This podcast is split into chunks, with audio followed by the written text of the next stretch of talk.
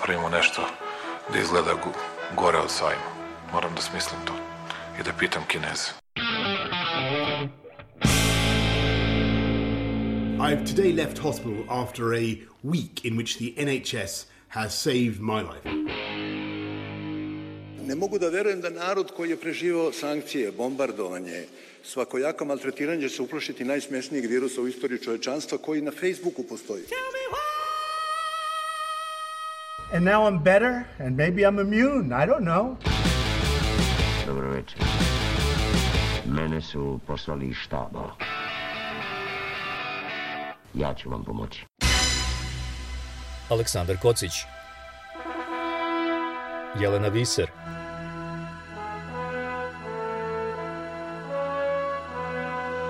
Radio Karantin Hronika istorije u nastajanju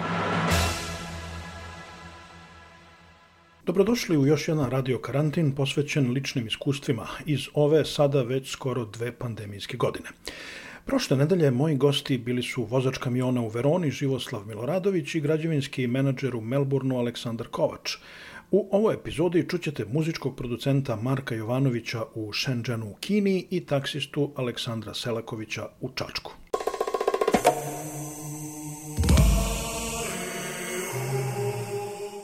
在接下来我们的疫情战斗中啊，呃，社区管理防控，这是一个基础。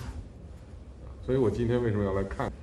Kineski predsjednik Xi Jinping u obraćanju građanima u jednom naselju u Pekingu povodom svojevremenog uvođenja novih mera protiv širenja koronavirusa. Kina je, kao što znamo, zemlja iz koje je virus potekao, iako još uvijek ne znamo kako tačno, i koja je u prvom trenutku bila najteže pogođena pandemijom. Kako je bilo u tim prvim danima, kako su građani podnosili mere, da li su verovali vlastima i medijima? Marko Jovanović je muzički producent u gradu Shenzhenu gde živi već sedam godina. Pitao sam ga na početku razgovora kakva je trenutna situacija u njegovom gradu. Grad Shenzhen, koliko ja znam, a čitamo te dnevne biltene vesti ovaj, po, po Vičetu, po njihovoj socijalnoj mreži, ovaj, koliko ja znam, trenutno u Shenzhenu nema zaraženih slučajeva. U stvari, kako to funkcioniše? A, Kinu je trenutno nije moguće ući bez ozbiljnog postupka karantina, koji traje obaveznih 14 dana u hotelu, negde i 21, zavisi od bukvalno od grada do grada, od provincije, odnosno od lokalne epidemiološke situacije zavisi koji su ovaj koji su uslovi i šta tamo važi.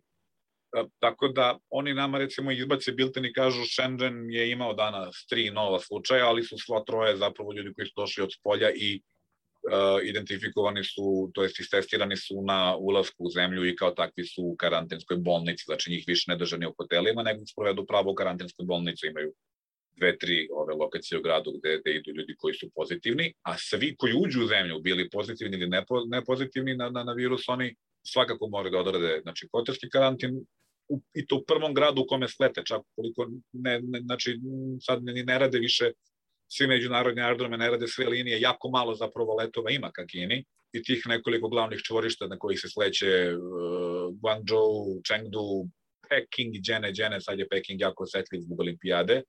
Ove, ljudi svakako u tom gradu u kome slete odrade obavezan hotelski karantin i odatle bivaju transportovani taj grad gde je njihovo odredište, gde moraju da imaju još minimum sedam dana nečega što oni zovu uh, community monitoring. Bukvalno se kaže, jednostavno zavedu vas da ste tu i onda vas testira IPAC svaki dva dana, ali tako nešto.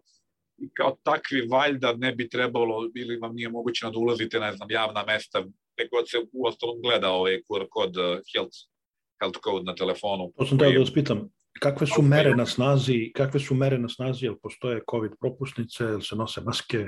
Maske kako sam ja primetio, obavezne na zatvorenim prostorima, znači manje više sve javne zgrade, tržni centri, prodavnice svuda na ulazu. Inače postoje obezbeđenje koje inače tu postoji, ovaj, svuda su skeneri uh, temperature i oni gledaju da li, je, da li se nosi maska i oni uh, često od nas insistira da skeniramo te kodove telefonom, pošto u okviru WeChat aplikacije koje ovde manje više svaki telefon koristi, ovaj, postoje taj sistem zdravstvenih kodova da se skenira da vi niste bili prethodnih 24-48 sati pozitivni negde ili se niste nalazili na nekom mestu koji se naknadno stanovilo kao neko žarište epidemije. Narod na ulici mogu da kažem da i dalje poprilično većina ljudi nosi maske, iako zvaničan ne postoji, koliko sam ja primetio, ne postoji zvanična obaveza da se maske nose na otvornom prostoru. Uh, niti postoji način da to neko iskontroliče, neće vas policajac na ulici zaustaviti i, i, i, i trkeljisati što nemate masku.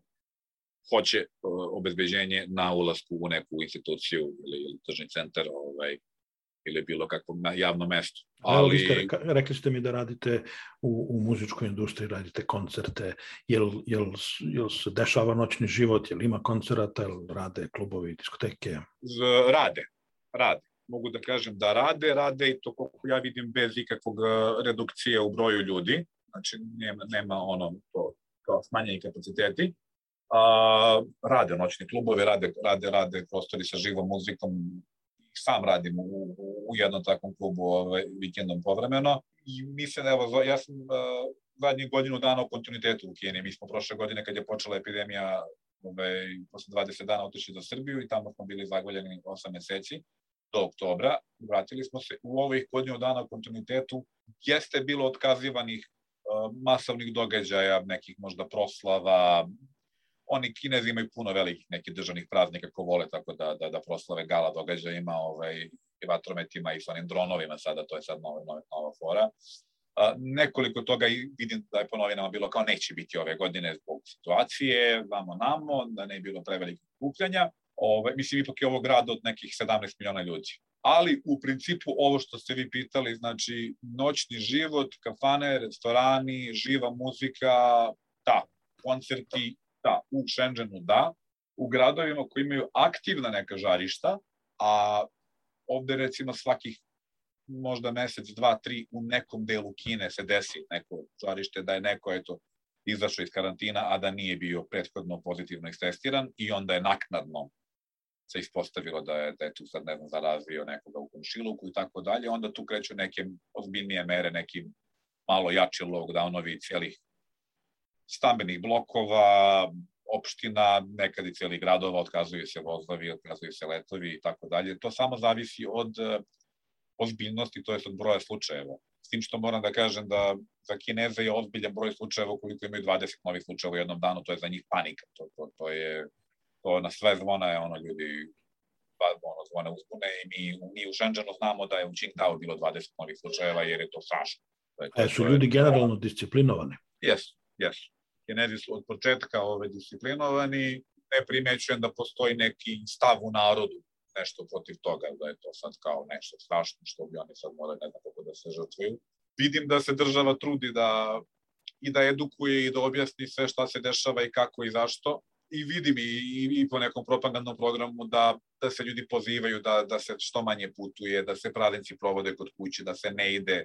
Jel, znate kako sa Kinom... Kako će da izgleda sad kineska nova godina? verovatno isto kao prethodna, ovaj, dramatična redukcija putovanja, dramatičan broj, ovaj, smanjenje, smanjenje, to je, to je najveća planetarna migracija, to, to su stotine miliona ljudi u pokretu u roku dve nedelje, ovaj, proš, ove godine, znači u februaru, što se u februaru dešava, ovaj, je bilo velika kampanja i to muzika se, pisale se pesme, ono, pro, propagandni spotovi, mama, tata, neću ove godine, ove godine se ne vidimo, jel?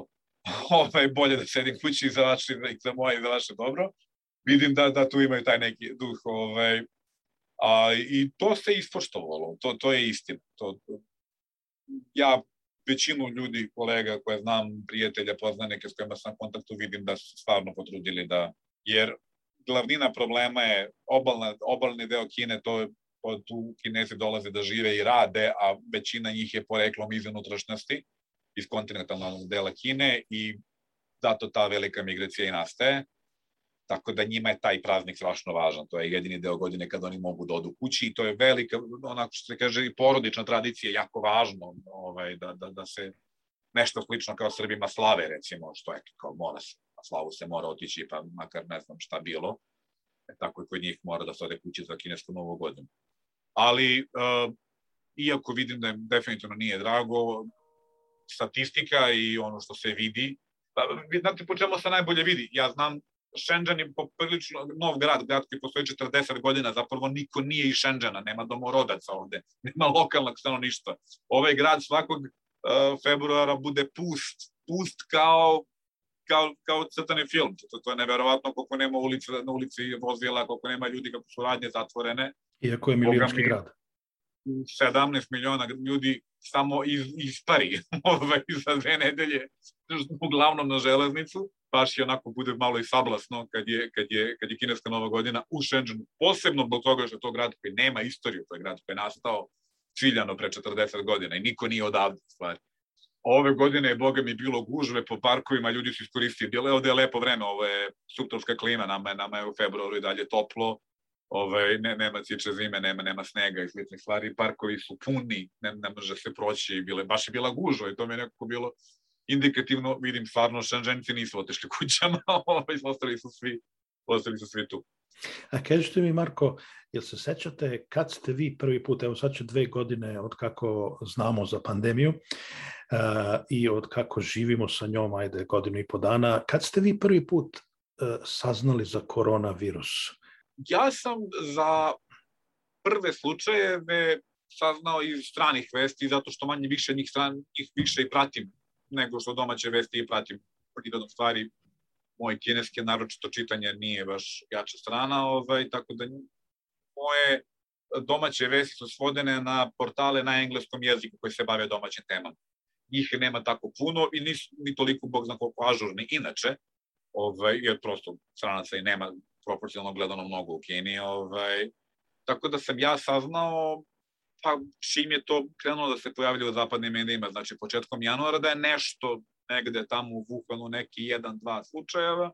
U, u roku dan, dva to se stvarno pojavilo na lokalnim medijima i na lokalnim ovaj, socijalnim mrežama, na WeChatu, WeChat je funkcioniše preko tih WeChat grupa kao što, kao što Viber ima svoje grupe i tako dalje. Pročulo se i boga mi tih možda nedelju dana pre nego što je Wuhan uh, zaključan u kompletu, ovaj, već je bila napeta atmosfera, već je bilo pričalo se o tome da, da se nešto dešava, da, da se ne zna šta je, da je potencijalno vrlo zarazno i svi su naročito bili, jako je bio pojačan taj osjećaj time što je sezona kineske nove godine.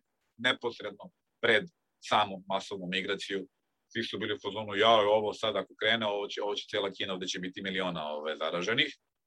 Međutim, oni su 21. januara uh, zaključali Wuhan, i u tih nekoliko dana te nedelje oni su doneli jedan ako gigantski paket mera koji je vrlo brzo iskomuniciran i vrlo brzo saopšten naciji svim mogućim kanalima. Znači, od nalepnica u liftovima, na ulazcima u zgradu, na, na pri, poruke od strane operatera, znači operator mrežni vam pošalje poruku COVID prevention measures na kineskom ili na engleskom, mi smo u roku od tri dana znali da se maske moraju nositi da maske su proglašene nečim što od strane njihovih epidemioloških vlasti igra ulogu. I onda ste odlučili da odete zbog virusa i zbog pandemije ili iz nekih drugih razloga? Oni su vrlo brzo uh, pustili aplikaciju koja bukvalno vam pokazuje na mapi gde su zabeleženi slučajevi u vašem komšiluku, znači u kojoj zgradi je bio neko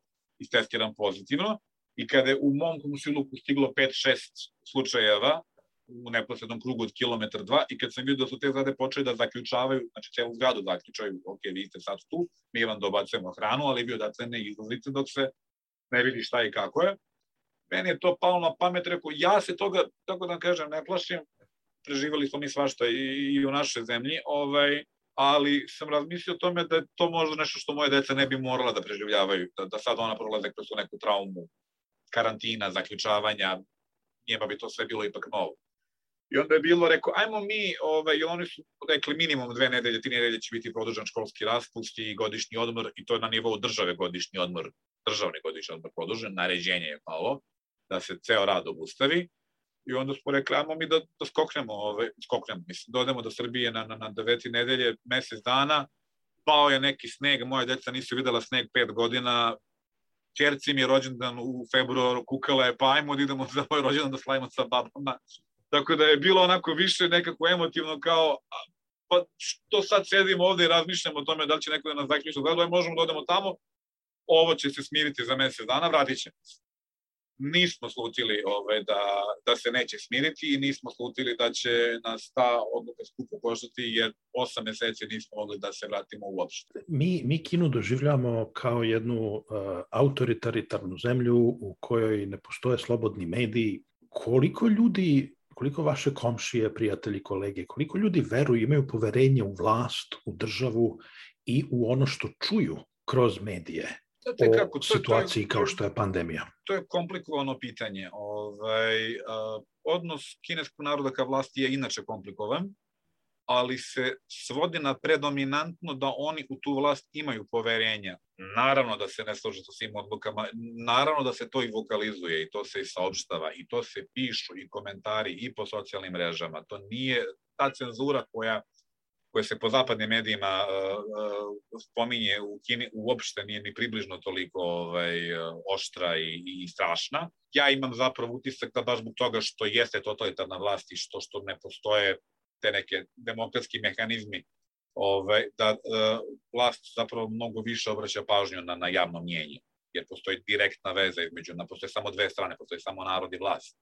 I, ovaj, I ta vlast, kako bi se reklo, mora da deliveruje, jer neće ništa spasiti ukoliko narod bude predominantno nezadovoljan. Neće biti izbora i novih izbornih obećanja kojima će moći da se odgodi još četiri godine nešto, jel?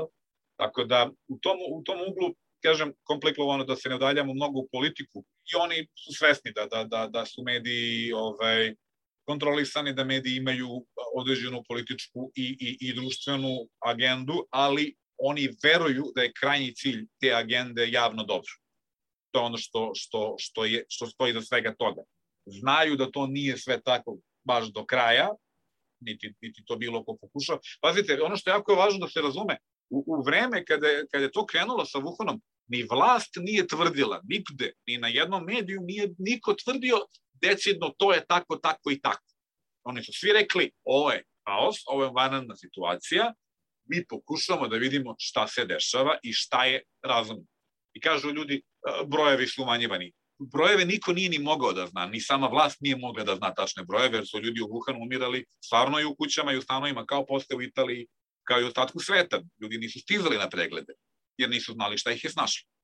Tako da, u tom nekom uglu narod tu veruje i zadnja linija toga je da to se kaže, ajmo, ajmo, ajmo da im verujemo, jer do sada jesu radili u interesu naroda i, i progres i i ceo razvoj društva i države zadnjih 30-40 godina njima je vrlo opipljiv. Meni, džene, džene, ja sam 7 godina ovde, pa već i sam vidim koliko se Kena mnogo promenila za 7 godina, ove, dramatično se promenila, ovaj, a oni su videli koliko se promenila za 20-30 godina i to pripisuju vlasti. Što mi zbog pandemije, evo, na primjer, dok je Trump bio predsednik, pa je on namerno iz, iz propagandnih razloga krenuo da virus naziva kineskim virusom. Kako ljudi u Kini reaguju na to da ih mi gledamo kao, e, opet iz Kine neko sranje? Ja mogu da kažem da je izuzetno velikog odjeka imala cela ta, što bi se rekla, antikineska atmosfera u zadnjih godinu dana. Dosta je to promenilo stavki u narodu protiv e, inostranstva generalno, protiv zapadnog sveta generalno, došlo je do jednog osjećaja uvređenosti, došlo je do jednog jačanja nacionalističkog osjećaja ponosa što su oni kinezi, i ova vlast trenutno dosta igra i na tu kartu, osjeća se manje, manje naklonosti ka strancima koji su u Kini. Ja nisam imao neprijatnosti lično, doduše grad Shenzhen je dosta, da kažem, jedan od modernijih gradova ovaj, koji je, inače ima mnogo stranaca i mnogo stranih korporacija ovde funkcioniše, tako da jeste, kako bi se reklo, ovaj, otvoreno tipa, ali ljudi jesu krivljivali da su imali puno neprijatnosti, arogancije, negativnog stava, dobacivanja, izbegavanja da budu usluženi. I kažete mi na kraju, Marko, šta je najlepša stvar, najlepši aspekt života u Kini za nekoga ko je došao sa strane? Pa za nekoga ko je došao sa naših prostora, ovaj, to je bezbednost. Ovo je izuzetno bezbedna zemlja.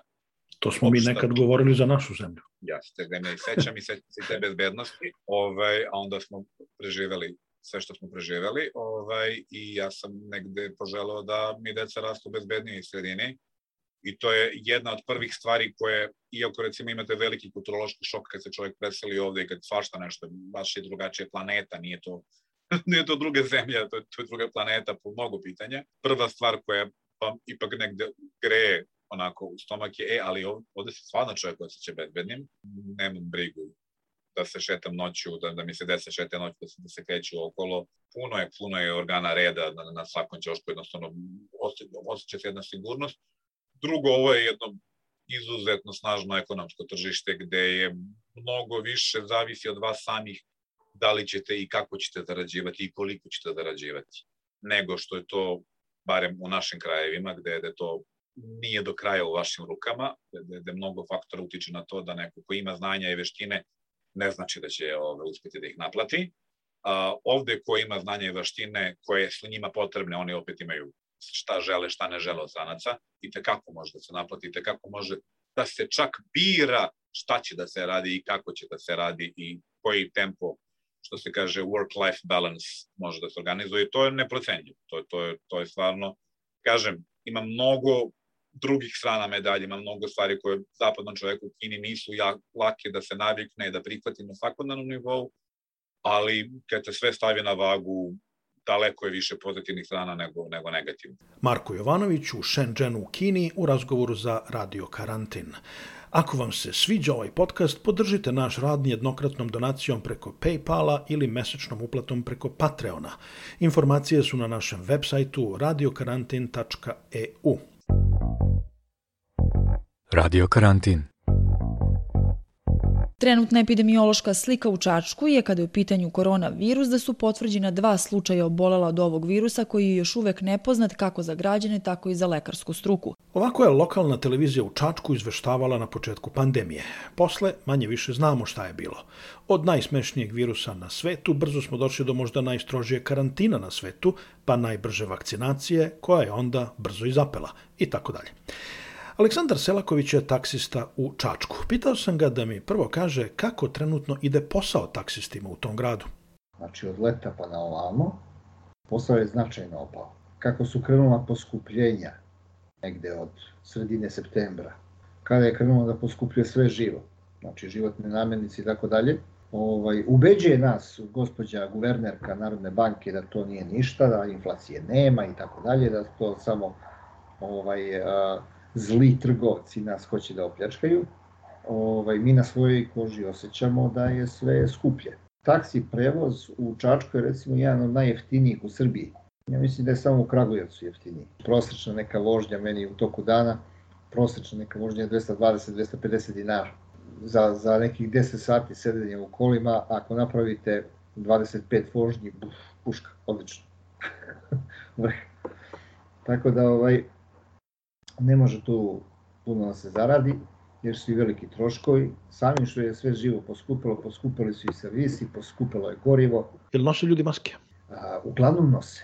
U, u principu ne mora nikoga da opominjem, vide mene sa maskom i stave masku. Čak i oni koji u principu verovatno ne nose, ono, gledam, pretresaju se po džepovima, ono, da li imaju masku, da li nemaju, neki nemaju sedmu kola, kao ja nemam masku i izvadim ovo iz pretica, ono, iz, iz kasete izvadim, ono, pošto imamo stalno ono, celo pakovanje maski, jednokratnih, pruži nazad, stave masku i idemo dalje.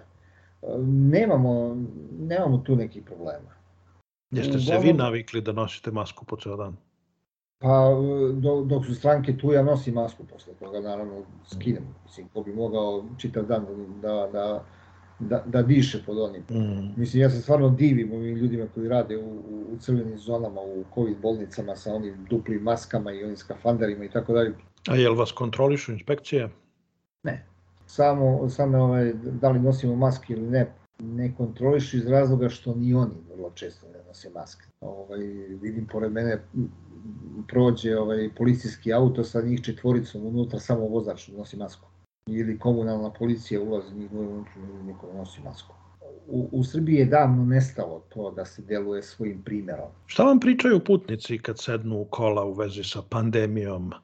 Jel postoji strah kod ljudi, zabrinutost, jel to, post, jel to i dalje dominantna tema ili ljudi manje pričaju o tome nego ranije?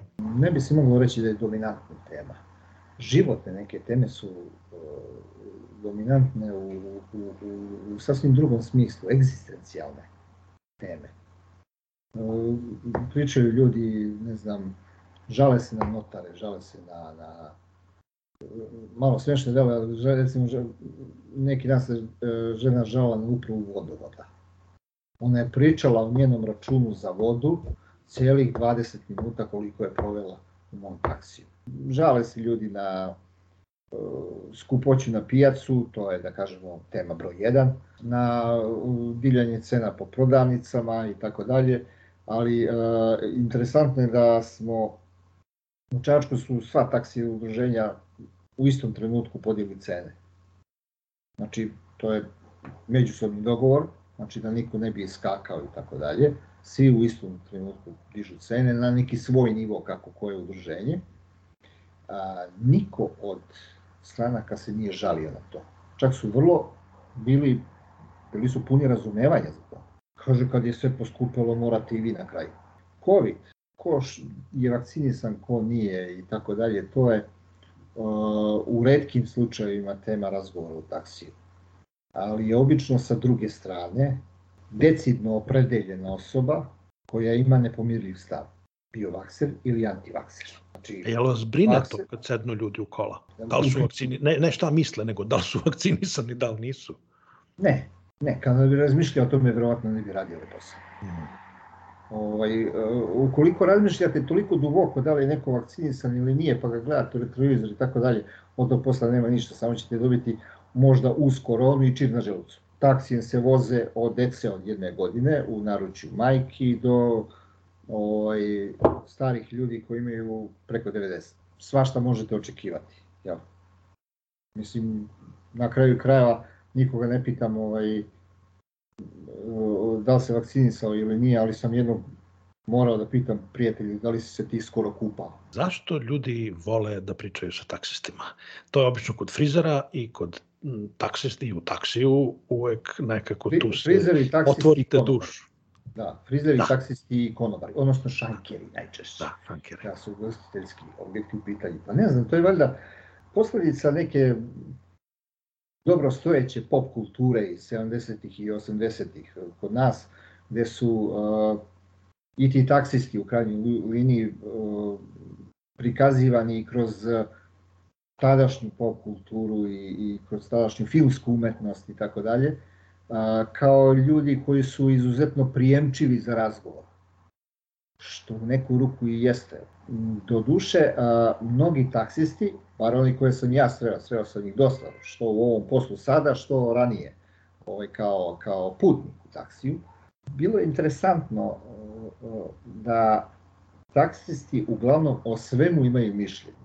Ja ne verujem da ćete ikada od taksiste čuti ne znam. Ima ovde u Škotskoj jedan popularni komičar koji u jednom svom nastupu kaže kako šta sad Trump njega svi odjednom vole kad, kad je Trump postao predsednik da. kaže njega svi vole jer on kaže tačno ono što misli o, kaže može misliti pa to ti je svaki to ti je svaki taksista u Glasgowu i on čim sedneš on ti kaže sve što misli. Da. Tako da ovaj to je to je očigledno tipično za taksiste svuda u svetu da ovaj uvek žele da podele svoje mišljenje. Da li je to zato što su to dugi sati pa vas uhvati dosada pa hoćete komunikaciju sa ljudima ili šta je u pitanju? Kao prvo potreban je određeni mentalni sklop za taksistu. A, odnosno potrebno je da imate Kakav treba da bude? dugačak fitilj Znači da ne možete lako da se iznervirate i da ne može da vas iz takte izbaci uh, bilo koji, bilo kada. Uh, ja to mislim da i za vozače kamiona i autobusa. Na, to je ista stvar. Ista stvar potpuno. E sada, uh, taksista je u svom autu vladar. On odlučuje. On, će, uh, on ima svoje obaveze, te obaveze su da pita kojim putem stranka želi da ide do te destinacije, e, da li želite da pojača grejanje, smanji grejanje ako se stranka žali i tako dalje, odnosno da se pobrine da stranci bude što udobnije putovanje. Frizer da stranka bude zadovoljna tretmanom i frizurom. Da bi se to lakše postiglo, potrebno je uspostaviti kontakt sa tom strankom. A to je jedino moguće kroz razgovor. A kažete mi, jel, jel vam pada na pamet neka posebno duhovita ili tužna vožnja nedavno da ste imali nešto što vam je ostalo, što vam je onako kao uf bre? U jednom danu su mi bile dve vožnje potpuno e, diametralno različite po nekoj, ne, nekom svom vajbu. Naime, prvo sam uh, povezao dve žene, jedna starija, jedna mlađa. Mlađa se jako teško kreće uz pomoć onog trokrakog štapa, ako znate kako to izgleda, na dole ima tri kraka, koja je mene prozvala po imenu. Ja sam sad ono, kao da li me poznaš, ja rekao ne. Te kada je malo više progovorila, ja sam prepoznao glas i kad mi je rekla ko je i tako dalje, to je koleginica sa kojom sam radio, koja je imala moždani udar i koja je jednostavno od nevjerovatno sposobne zmaj žene sa kojom sam se viđao i po roditeljskim sastancima, deca vam išla u isti razred, ja je nisam prepoznao koliko si se pričala. I mislim, to je bila jedna vožnja da smo mi pričali o nekim totalno prošlim vremenima, jer sadašnjost je crna za nju. Kad sam ostavio nju i tu njenu komšinku ovaj, u centru grada, ja se isključio na 15 minuta da se sabere. Jednostavno, ono, bože, šta se desilo sa, sa, sa njom, ono, te skoba neka legla na leđa, znači ono stvarno, da, ne, ne mogu to da tako lako ni da objasnim. Kako sam se uključio? Stiže iz centra da idem po dete u školu. Znači ja još taze taksista nije bilo ni mesec dana kako radim. Ovaj, I zove koleginica iz centra i kaže kada završite vožnju dođite u centar. Da naplatite kao nemojte od deteta tražiti. Tako dobro. Kako se dete zove? Konstantin. Ok. Odem pre školu, izlazi a, mali šmeker, prvi razred, veća torba od njega. Osmeh od uva do uva, pozdravlja se lepo, dobar dan, ja sam Konstantin, ulazi, ono sve lepo, uhvati me za ruku, kao, jel, sve normalno, ja ga odvedem, otvorim mu vrata, on uđe pozadi lepo u taksi. Toča vrljanje sa toliko inteligencije i a, sa takvom sa takvim verbalnim umećem, takvim verbalnim umećem da vi ne verujete da je to dete od 7 godina. Da li me oduševi? Ulepšao mi dan. To je isto uradio i juče. Juče sam ga ponovo vozio puta u školu, ne iz škole, pošto nam je on redovna mušterija. Ove, a ovima sam u centru rekao svaka treća vožnja od mene, gratis, mislim, stvarno mi je ulepšao dan. Juče zaista nisam i naplatio.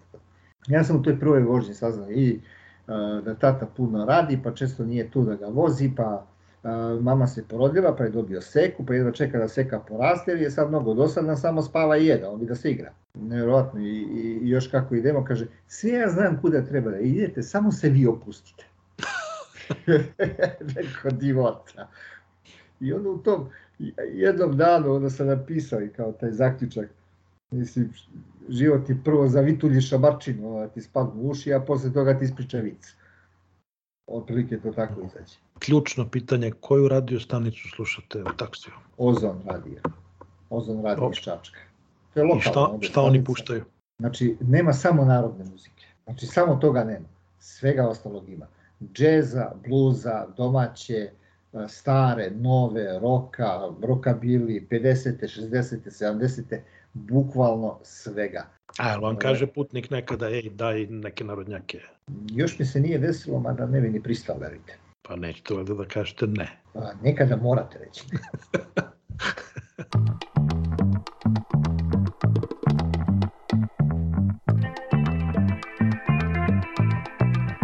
Radio karantin. Slušali ste još jedan radio karantin. Hvala Marku Jovanoviću u Shenzhenu i Aleksandru Selakoviću u Čačku. U sledećoj emisiji gosti radio karantina biće epidemiolog Ivana Prokić i specijalista za plućne bolesti Slavica Plavšić, obe iz organizacije Ujedinjeni protiv covid -a. Čujemo se. Aleksandar Kocić Jelena Viser